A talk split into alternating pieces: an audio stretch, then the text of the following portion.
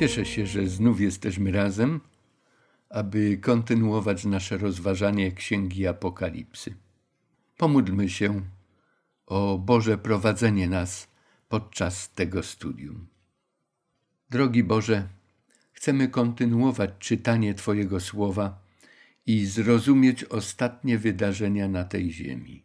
Proszę, aby ten czas naszego rozważania był czasem spotkania z Tobą. Niech to studium pomoże nam znaleźć nasze miejsce i mądrość w odniesieniu do rzeczywistości, zarówno obecnej, w której żyjemy, a także w tej nadchodzącej, w którą wkraczamy. Dziękujemy Ci za Księgę Apokalipsy i treści w niej zapisane. Daj nam jasne zrozumienie Twoich planów, zarówno dotyczących zakończenia panowania zła, jak i Twego zbawczego działania, abyśmy mogli wejść z Tobą w tę wspaniałą przyszłość, nasz Ojcze. Prosimy o to w imieniu naszego Zbawiciela, Jezusa Chrystusa. Amen. Począwszy od tego spotkania, będziemy zapoznawać się z wydarzeniami, które doprowadzają do ostatecznego zakończenia wielkiego boju dobra ze złem, do całkowitej eliminacji zła i nieprawości z ziemi. Dzisiaj chcemy skoncentrować się głównie na zawartości i znaczeniu myśli zawartych w Apokalipsie w szesnastym rozdziale i wierszu dwunastym. Tekst ten wprowadza nas w atmosferę ostatniej walki Armagedon. Określenie Armagedon występuje tylko jeden raz w całym Piśmie Świętym i pojawia się dopiero w wierszu szesnastym tego szesnastego rozdziału.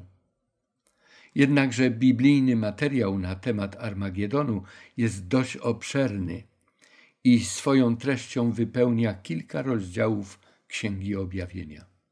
Będziemy go poznawali nie tylko dzisiaj, ale jeszcze na kilku kolejnych spotkaniach.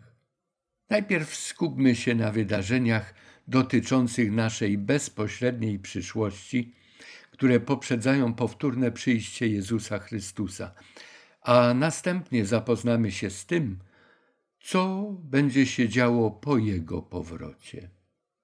Jak widzicie, drodzy słuchacze, wchodzimy w opisy wydarzeń, na jakie czekaliśmy. Odtąd wszystko to, z czym spotykaliśmy się w wielu proroczych zapowiedziach, zobaczymy, że dochodzi do swojego finału.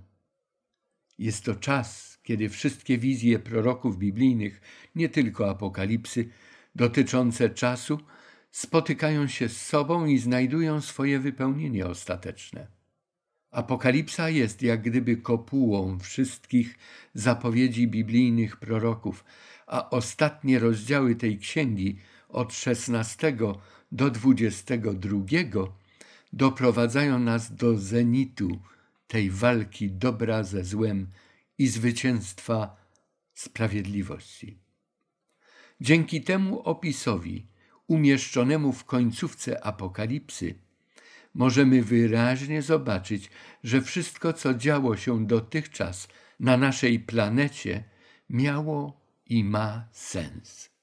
Ten wielki i długotrwały dramat rozgrywający się nie tylko na Ziemi, ale i w całym wszechświecie doprowadza do jego pomyślnego i triumfalnego zakończenia. Zapoznajmy się więc z ogólnym zarysem ostatnich proroctw Apokalipsy. Rozdział 16 od wiersza 12 do 16 to jest wylanie szóstej plagi. Jest to przygotowanie do Armagedonu. Wiersze 17 do 21 w tym 16 rozdziale mówi nam o tym, co dziać się będzie, gdy siódmy anioł wyleje swoją czaszę. Jest to zarys wojny Armagedon. Rozszerzony i szczegółowy opis tych końcowych wydarzeń Armagedonu znajduje się w rozdziałach od 17 do dziewiętnastego. Dwudziesty rozdział to opis zdumiewającego milenium. Od dwudziestego pierwszego rozdziału do piętnastego wiersza w rozdziale dwudziestym drugim mamy opis wspaniałych warunków wiecznego życia zbawionych. Ostrzeżenia i zachęty, ostatnia obietnica, znajdują się w samej końcówce Apokalipsy. Chciałbym nawiązać do tego tajemniczego milenium, nad którym przez wieki mozoli się wiele głów, chcąc zrozumieć sam okres, znaczenie tego okresu, jak i wydarzenia, które będą następowały w tym niezwykłym czasie. Po wielu nieraz mozolnych rozważaniach, niełatwych treści Księgi Objawienia, nareszcie doczekaliśmy się ekscytujących opisów nadchodzących ostatnich scen w historii naszej Ziemi. Zapraszam więc do otworzenia Biblii, gdyż dzisiaj będziemy czytać sporo tekstów, tekstów, które pomogą nam lepiej zrozumieć czas, w jakim żyjemy i to, jak bliski jest koniec panowania grzechu i zła. Rozpoczniemy od czytania tekstu z szesnastego rozdziału i wiersza dwunastego. A szósty wylał czaszę swoją na wielką rzekę Eufrat i wyschła jej woda, aby można było przygotować drogę dla królów ze wschodu słońca. Zrozumienie opisów wizji proroczych zazwyczaj nie nastręcza wielkich trudności i kłopotów. Trudności i problemy zwykle pojawiają się przy próbie zrozumienia znaczenia tych opisów. Czego dotyczy ten opis z wiersza dwunastego? Na znalezienie właściwej odpowiedzi potrzebujemy trochę czasu i dobrej orientacji w tekstach biblijnych. Przypomnijmy sobie wydarzenia, które następowały po wylaniu poprzednich pięciu plag. Pierwsza to były wrzody na ludziach, którzy oddawają cześć zwierzęciu. Druga, wody morskie przemienione zostają w krew. Wszystko w morzu ginie. Trzecia plaga to zamiana źródeł i wód rzek w krew. Dodatkowe problemy, żar słoneczny, poparzenia ludzi i ich bluźnierstwa to treść wydarzeń czwartej plagi. Piąta plaga spada na tron zwierzęcia. Tron ten spowity jest w ciemności, występują też cierpienia spowodowane takim stanem rzeczy. A więc w porównaniu z poprzednimi plagami, ból, cierpienie i tym podobne, szósta plaga nie jest ani bolesna, ani krwawa. Przeciwnie, wygląda na bardzo łagodną, przy pierwszym czytaniu wydaje się, że nic złego się nie dzieje. Jednak musimy to przyznać, że plaga ta jest szczególna i nie ma sobie równych. Powoduje, że pojawiają się jakieś nowe rzeczywistości. Po jej wylaniu wysycha rzeka Eufrat. Dowiadujemy się też o przygotowaniu drogi, inaczej warunków do jakiejś inwazji królów, o których niewiele jeszcze wiemy. Co to wszystko może oznaczać? W dążeniu do zrozumienia właściwego znaczenia tego obrazu, wzorem naszych wcześniejszych praktyk, trzeba nam będzie zastanowić się, czy i gdzie można by było ewentualnie znaleźć jakieś starotestamentowe tło wydarzeń dotyczących Eufratu i Babilonu, z którymi już spotykaliśmy się wcześniej, a o których w związku z wydarzeniami eschatologicznymi jest mowa tutaj właśnie w Apokalipsie. Wielokrotnie już stwierdziliśmy, że sceny dotyczące czasów końca, a także końca czasu, opisywane są nie tylko w Księdze Objawienia, ale też w wielu innych biblijnych proroctwach.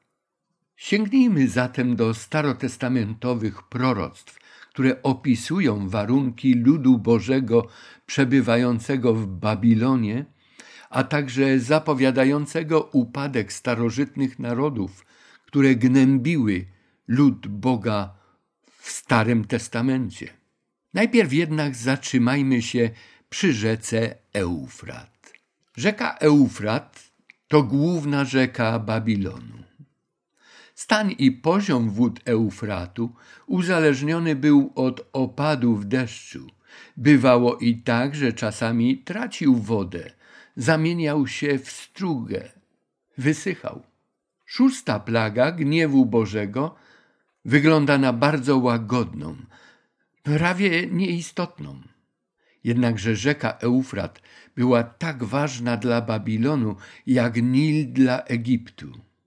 Dodatkowo taka ciekawostka, Eufrat, podobnie jak Wisła w Warszawie czy Dunaj w Budapeszcie, przepływał przez stolicę ówczesnego Imperium Babilońskiego. Eufrat zabezpieczał Babilon wodę, przynosił urodzaj, użyźniał glebę, dostarczał zatem żywność, był środkiem transportu. Powtórzmy, Eufrat dla Babilonu był tym, czym dla Egiptu był Nil. Księga Objawienia zapowiada też istnienie w czasach końca nowotestamentalnego Babilonu, a także wód, z którymi Babilon był i jest ściśle powiązany. Otwórzmy siedemnasty rozdział Księgi Apokalipsy. I przyszedł jeden z siedmiu aniołów, mających siedem czasz, i tak się do mnie odezwał. Choć pokażę ci sąd nad wielką wszetecznicą, która rozsiadła się nad wielu wodami. Wiersz piąty. A na czole jej wypisane było imię o tajemniczym znaczeniu. Wielki Babilon, matka wszetecznic i obrzydliwości ziemi. A teraz wiersz piętnasty.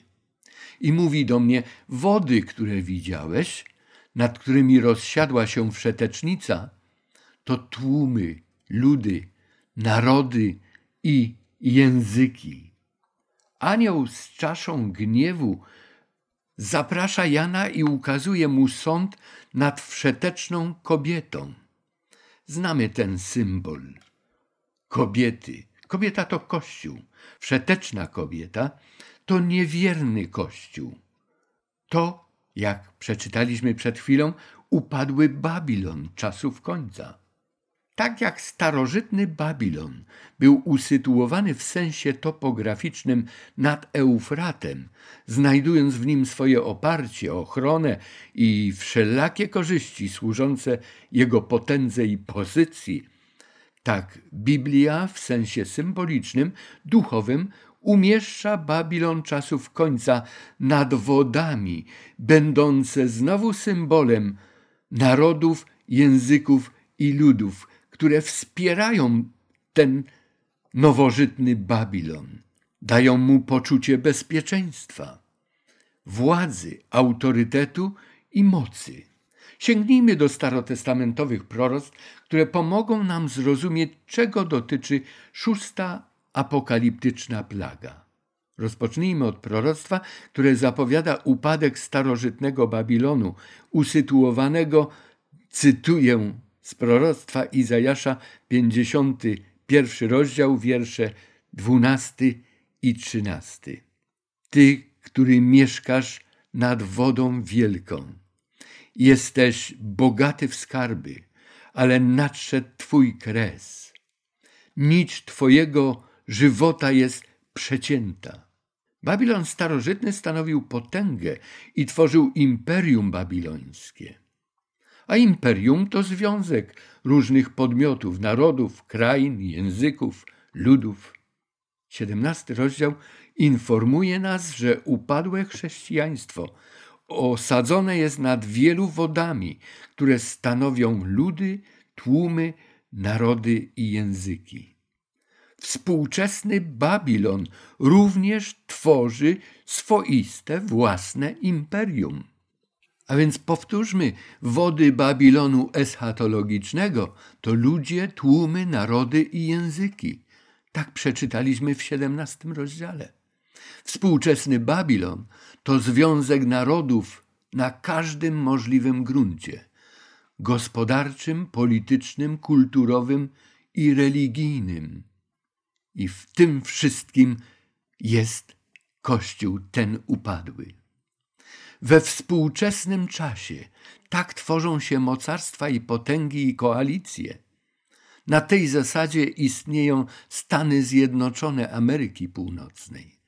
Istniał Związek Socjalistycznych Republik Radzieckich, Związek Niepodległych Państw. Pakt Warszawski tak funkcjonował. Unia Europejska zbudowana jest na tych samych zasadach. Niektóre z tych narodów łączą się dobrowolnie, inne pod naciskiem. To jest realizacja próby połączenia gliny i żelaza, jak czytaliśmy w drugim rozdziale księgi Daniela.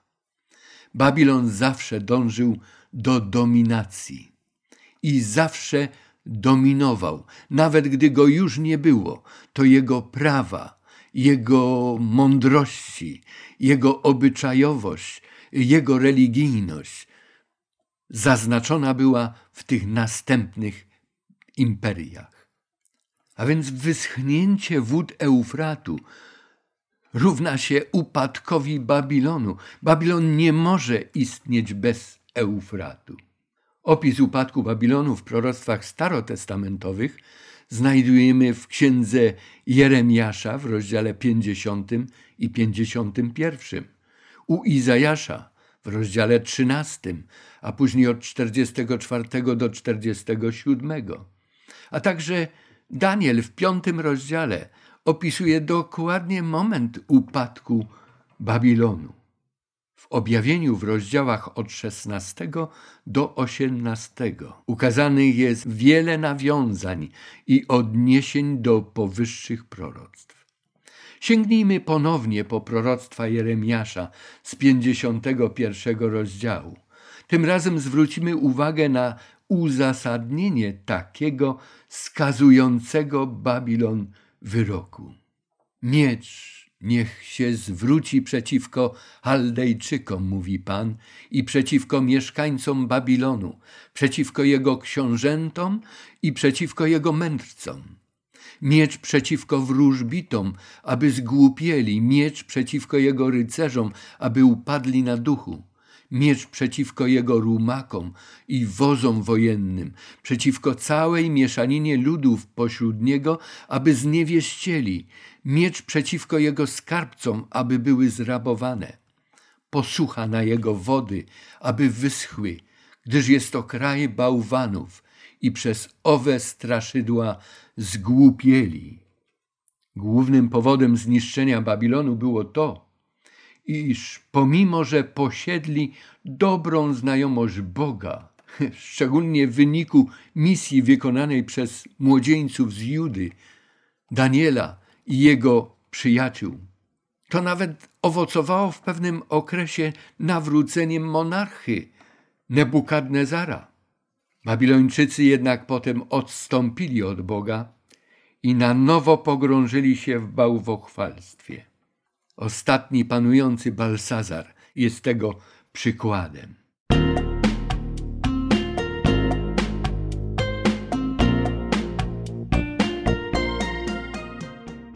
Kolejny ekran pokaże nam powody zniszczenia Babilonu i kto tego dokona. Tak mówi Pan zastępów: gnębieni są synowie izraelscy a wraz z nimi synowie judzcy, wszyscy, którzy ich wzięli do niewoli, trzymają ich, nie chcą ich wypuścić. Lecz potężny jest ich wybawca. Jego imię Pan zastępów.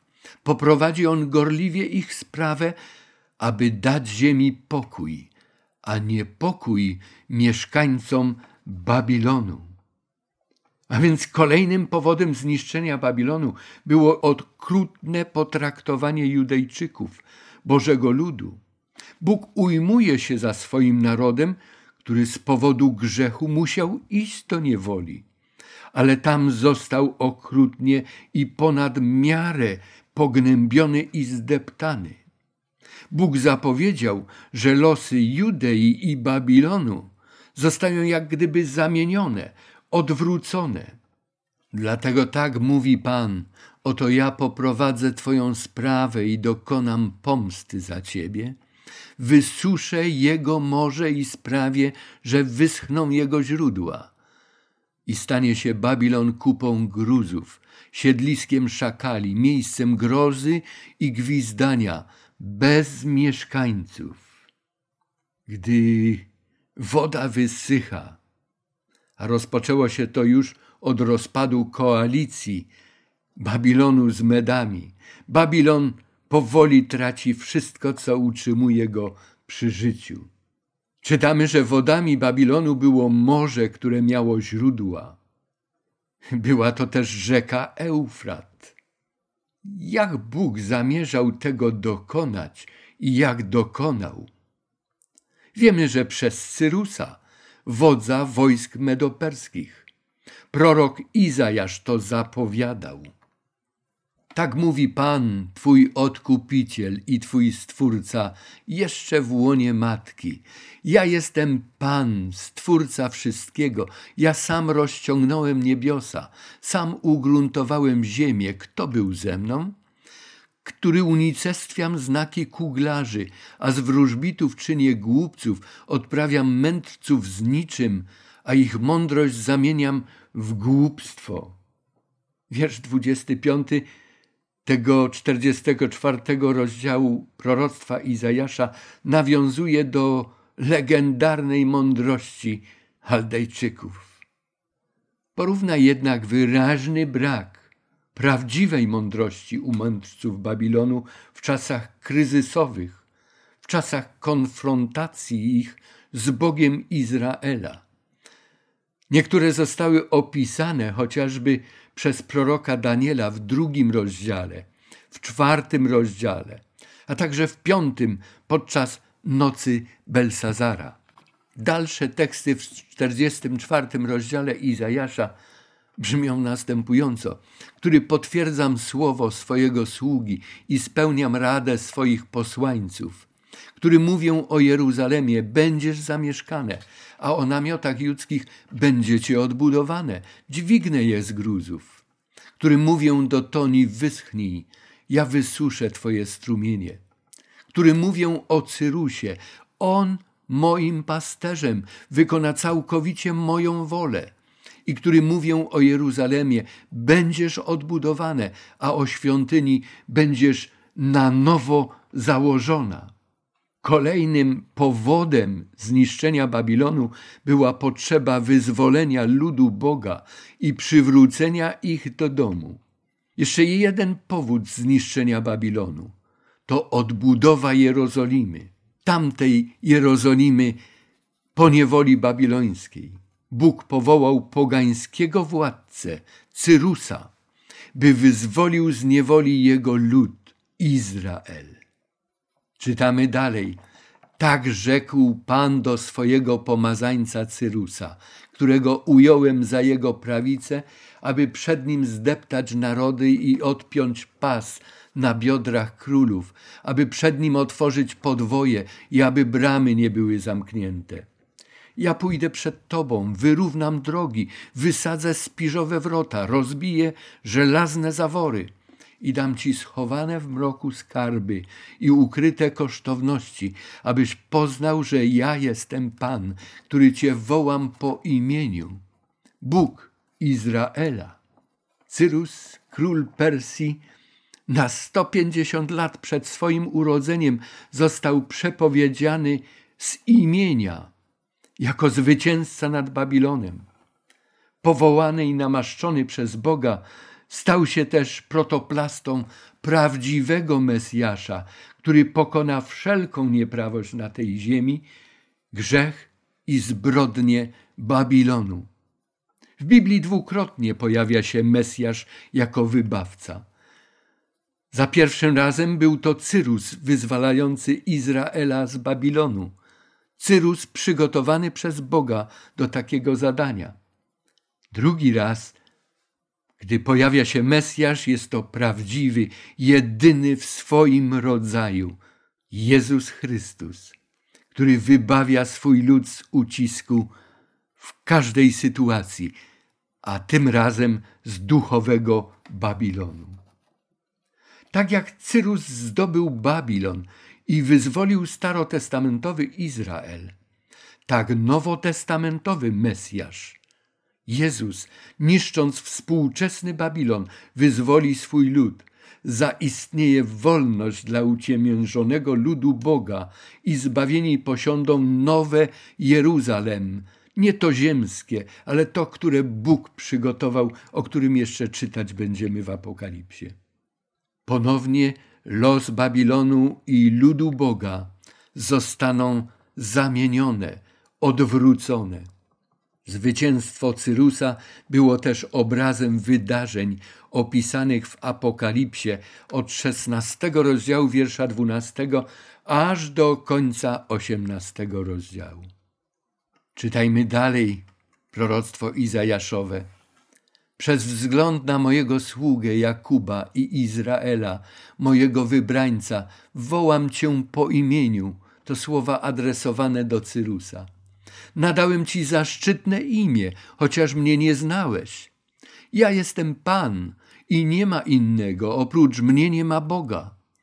Ja ci przypinam pas, chociaż mnie nie znasz aby poznali od wschodu słońca i od zachodu, że nie ma nikogo oprócz mnie. Ja jestem Pan, nie ma innego. Właśnie wypełnione tamte proroctwa były świadectwem dla Izraela i wszystkich narodów, że Bóg istnieje i kontroluje historię. Czy pamiętamy jeszcze, dlaczego Babilon musiał zginąć? Izrael miał odzyskać utraconą wolność. Wówczas wszyscy mieli poznać, kto jedynie jest prawdziwym Bogiem. Widzimy tutaj tabliczkę glinianą z napisem życzenia Nebukadnezara pod adresem Babilonu. Niechaj trwa zawsze. Prorok Jeremiasz w 51 rozdziale, jak pamiętamy, wołał – ty, Babilonie, co mieszkasz nad wielką wodą i jesteś bogaty w skarby, nadszedł twój kres. Nic twojego żywota przecięta. Zaś Belsazar, ostatni panujący Babilończyk, usłyszał od proroka Daniela. A ty, synu jego, odwołuje się tutaj do praojca Nebukadnezara, ty, synu jego Belsazarze, nie uniżyłeś swojego serca, chociaż to wszystko wiedziałeś. Przeciwko Panu nieba podniosłeś się i przyniesiono przed ciebie naczynia z jego świątyni, a ty i twoi dostojnicy, twoje żony, twoje nałożnice, piliście z nich wino i wysławiałeś bogów ze srebra, złota, miedzi, żelaza, drzewa, kamienia, które nie widzą ani nie słyszą i nic nie wiedzą, a Boga, w którego ręku jest Twoje tchnienie, od którego zależą wszystkie Twoje drogi, nie uczciłeś. Ukazał się napis na ścianie Mene, mene, tekel, ufarsin. I Daniel tłumaczy ten napis, którego nikt nie potrafił wyjaśnić. Mene oznacza Bóg policzył dni Twojego panowania i doprowadził je do końca. Tekel jesteś zważony na wadze i znaleziony lekkim. Peres, Twoje królestwo będzie podzielone i oddane Medom i Persom. Dalej czytamy, że tej samej nocy został zabity Belsazar, król chaldejski. To wszystko działo się w 539 roku przed naszą erą. Gdy popatrzymy na współczesny Babilon, i to bałwochwalstwo, czczenie obrazów, posągów, procesje, wielbienie tego, co martwe i głuche, co nieme, to jest kalka tamtego pogańskiego imperium. Przypomnijmy sobie te teksty z 17 rozdziału Apokalipsy. mamy je na ekranie. Wszeteczna kobieta, niewierny Bogu Kościół, Babilon, wspierany przez wiele ludów, tłumów, narodów i języków, oddający cześć niemym bożkom. Ludzie inteligentni. Co się z nimi stało? Sąd nad starożytnym Babilonem, a także wyrok nad tamtą potęgą zostały wyegzekwowane, a lud Boży wrócił do swojej ojczyzny. Apokalipsa przywołuje tamte wydarzenia i ukazuje nam stan obecnego Babilonu. Przeczytajmy jeszcze z szesnastego rozdziału ten dwunasty wiersz. A szósty wylał czaszę swoją na wielką rzekę Eufrat i wyschła jej woda, aby można było przygotować drogę dla królów ze wschodu słońca. Jakże inaczej jawi nam się teraz ten tekst. Prawda, że nie jest on już tak płytki, ani tak zagadkowy jak na początku? Wiemy już, że wysuszenie wód Eufratu to ustanie poparcia dla Babilonu ze strony tych wszystkich ludów, języków, narodów, które czciły ten Babilon. Oni to jak Eufrat w odniesieniu do starożytnego Babilonu. Chronili, bronili, żywili, wspierali, hołubili, upadłe bałwochwalcze chrześcijaństwo, połączone silnymi więzami z politycznymi i gospodarczymi władcami tej ziemi. Ale w drugiej części tego dwunastego wiersza czytamy, że wyschnięcie wód Eufratu otworzy warunki do przygotowania drogi dla królów od wschodu słońca. Co to oznacza? Charakterystyczne dla szóstej plagi jest i to, że następne dwa teksty tego rozdziału mówią o kampanii smoka, bestii i fałszywego proroka, prowadzonej w tym samym czasie, czasie szóstej plagi, na rzecz stworzenia koalicji królów i przygotowania ich na wojnę z Bogiem. Posłuchajmy brzmienia tych tekstów i widziałem trzy duchy nieczyste, jakby żaby wychodzące z paszczy smoka, paszczy zwierzęcia i z ust fałszywego proroka. Są to czyniące cuda duchy demonów, które idą do królów całego świata, aby ich zgromadzić na wojnę w ów wielki dzień Boga Wszechmogącego. Kim więc są, jak ich nazwano, królowie od wschodu słońca? W Piśmie Świętym spotykamy się z dwojakim znaczeniem określenia wschód lub wschód słońca. Pierwsze to dosłowne, kierunkowe, związane ze stroną świata. W księdze Ezechiela mamy taki tekst, w Ewangelii Mateusza, w drugim rozdziale mędrcy od wschodu słońca przychodzą, ale jest też znaczenie symboliczne. Wschód słońca sprawiedliwości – zapowiadał Malachiasz. Dokładnie brzmi ten, ten tekst brzmi tak. Dla was, który, którzy boicie się mojego imienia, wzejdzie słońce sprawiedliwości z uzdrowieniem na swoich skrzydłach. Tak właśnie zapowiadane było przyjście Mesjasza, Jezusa Chrystusa. I w Ewangelii Łukasza w pierwszym rozdziale i wierszu 78 czytamy takie słowa: Przez wnętrzności miłosierdzia Boga naszego, w których nawiedził nas wschód z wysokości. Tu już mówi się o tym, jak Jezus Chrystus przychodzi na ten świat.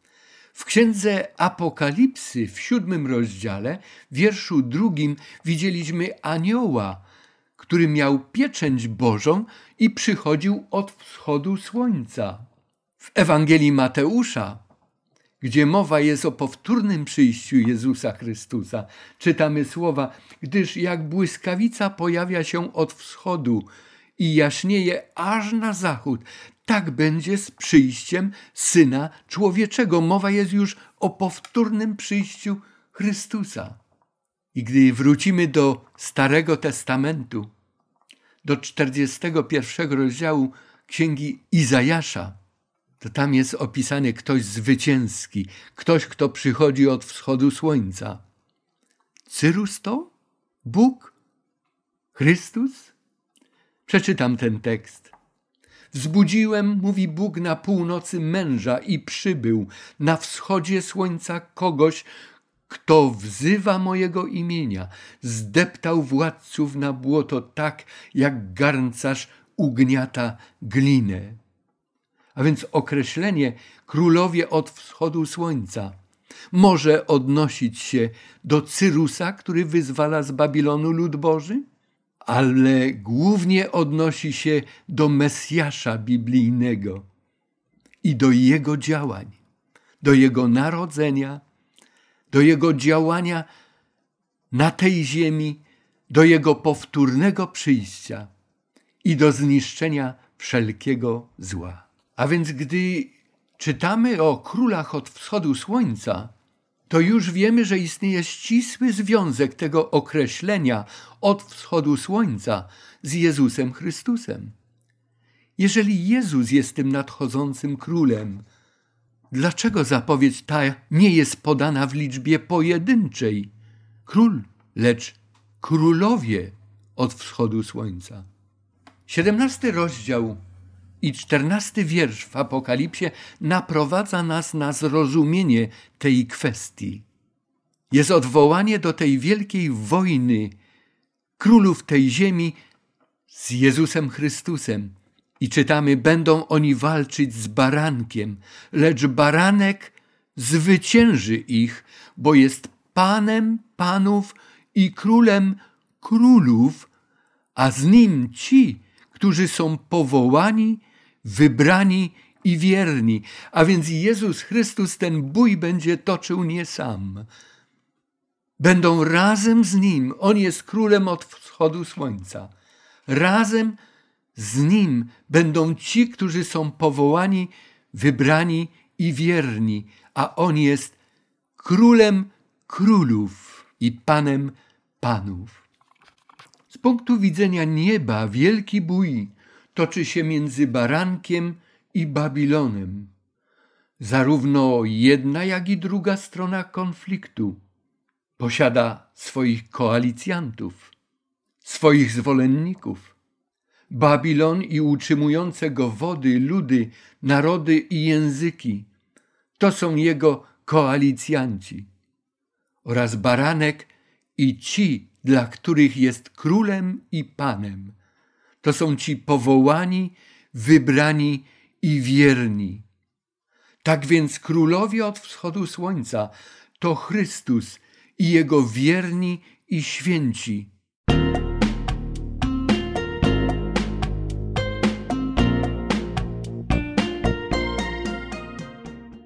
Ta walka, o której tutaj czytamy, toczy się nie w niebie, ale tutaj, na tej ziemi. Tutaj naśladowcy Chrystusa znajdują się w ogniu walki. Tutaj Jezus jest zawsze z nimi, aż do skończenia świata. Oni różnie są nazywani w Księdze Objawienia, a również w całej Biblii. W Apokalipsie w dwunastym rozdziale czytaliśmy, że to jest resztka, to jest ostatek. W szesnastym rozdziale, wierszu piętnastym, to ci, którzy czuwają i pilnują swoich szat w siódmym rozdziale, wierszu czwartym, to są te 144 tysiące popieczętowanych. W wierszu dziewiątym tego samego rozdziału to jest ten wielki tłum, którego nikt nie mógł zliczyć. W pierwszym rozdziale i w piątym rozdziale Apokalipsy mogliśmy dowiedzieć się, że jest to ten ród królewski i kapłani. Mogą takimi być dzięki zwycięstwu Jezusa Chrystusa na krzyżu. Szczególnie piąty rozdział nam to wyraźnie ukazuje. Następny slajd ukazuje nam królów ziemskich i królów od wschodu słońca. Królowie ziemi toczą wielki bój i gotują się do rozstrzygającej walki. Mogą przy tym liczyć na wsparcie smoka, zwierzęcia i fałszywego proroka. wyschnięte wody Eufratu to zapowiedź ich ostatecznej klęski.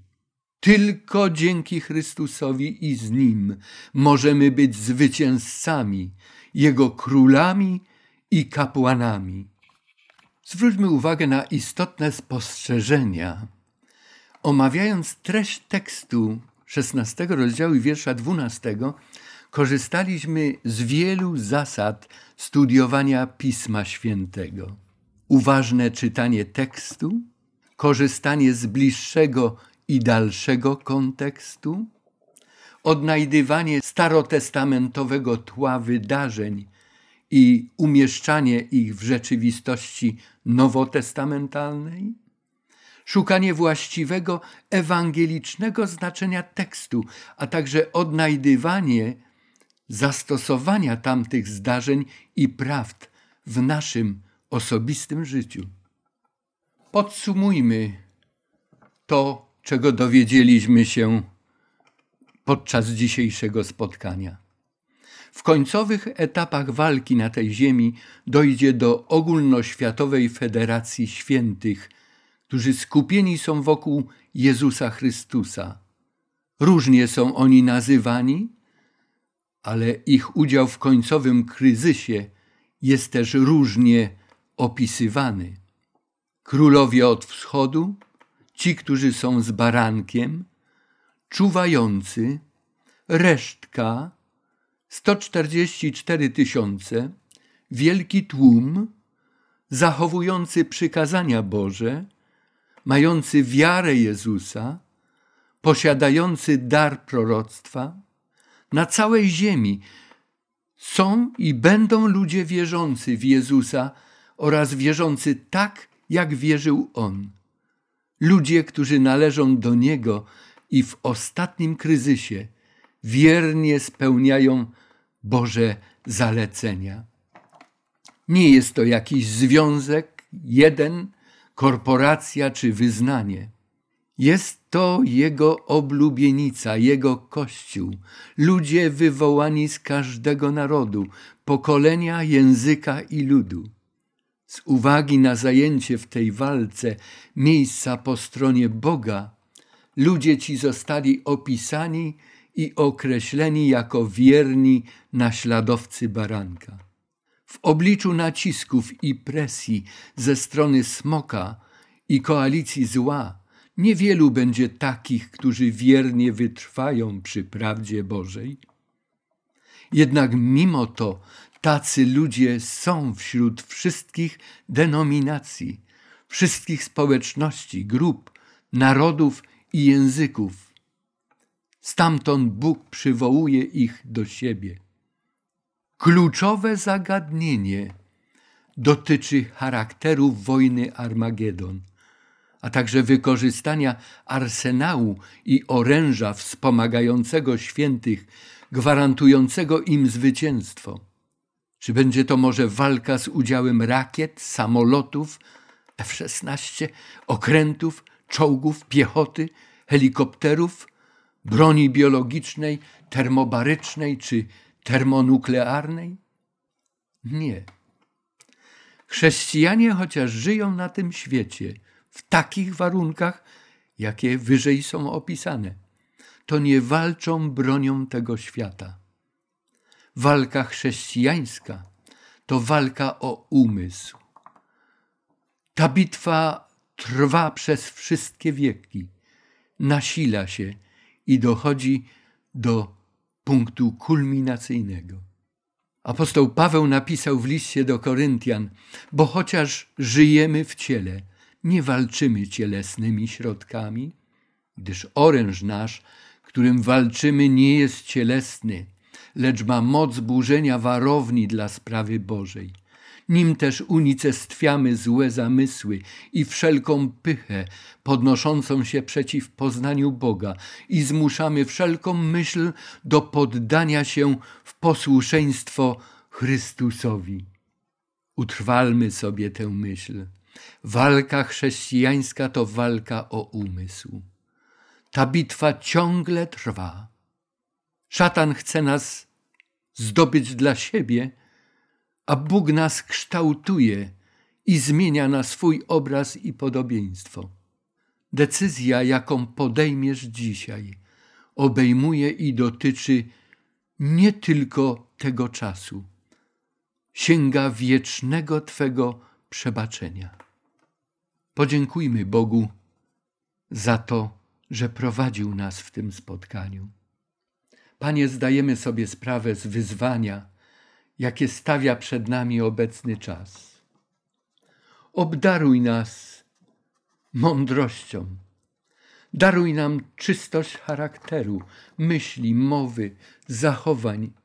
W codziennym naszym życiu niech tak będzie. Proszę, byś nigdy nie pozostawiał nas samym sobie. Wróg nasz i Twój jest okrutny i podstępny. Naucz nas szczególnej koncentracji na sprawach ważnych, istotnych w walce o prawdę. Daj nam łaskę wiernej, nacechowanej szlachetnością służby Tobie i zbawieniu ludzi. Pomóż nam każdą myśl poddać Tobie i nigdy nie zwątpić w Twoje obietnice, Twoją dobroć i miłość. Chcemy trwać przy Tobie, drogi Boże, we wszystkich okolicznościach, być też przez Ciebie zaliczeni do grona Twoich wiernych sług. W imieniu Jezusa Chrystusa proszę o to dla siebie, dla każdego uczestnika spotkań z Twoim Słowem, dla każdego, kto pragnie Ci służyć i spędzić z Tobą całą wieczność. Amen. Dziękuję drodzy za udział w dzisiejszym spotkaniu. Kolejne spotkanie ma tytuł Armagedon. Proszę zapoznajmy się z Apokalipsą w szesnastym rozdziale, szczególnie z wierszami od 13 do 21. Do usłyszenia. Niech Bóg Was ma w swojej opiece.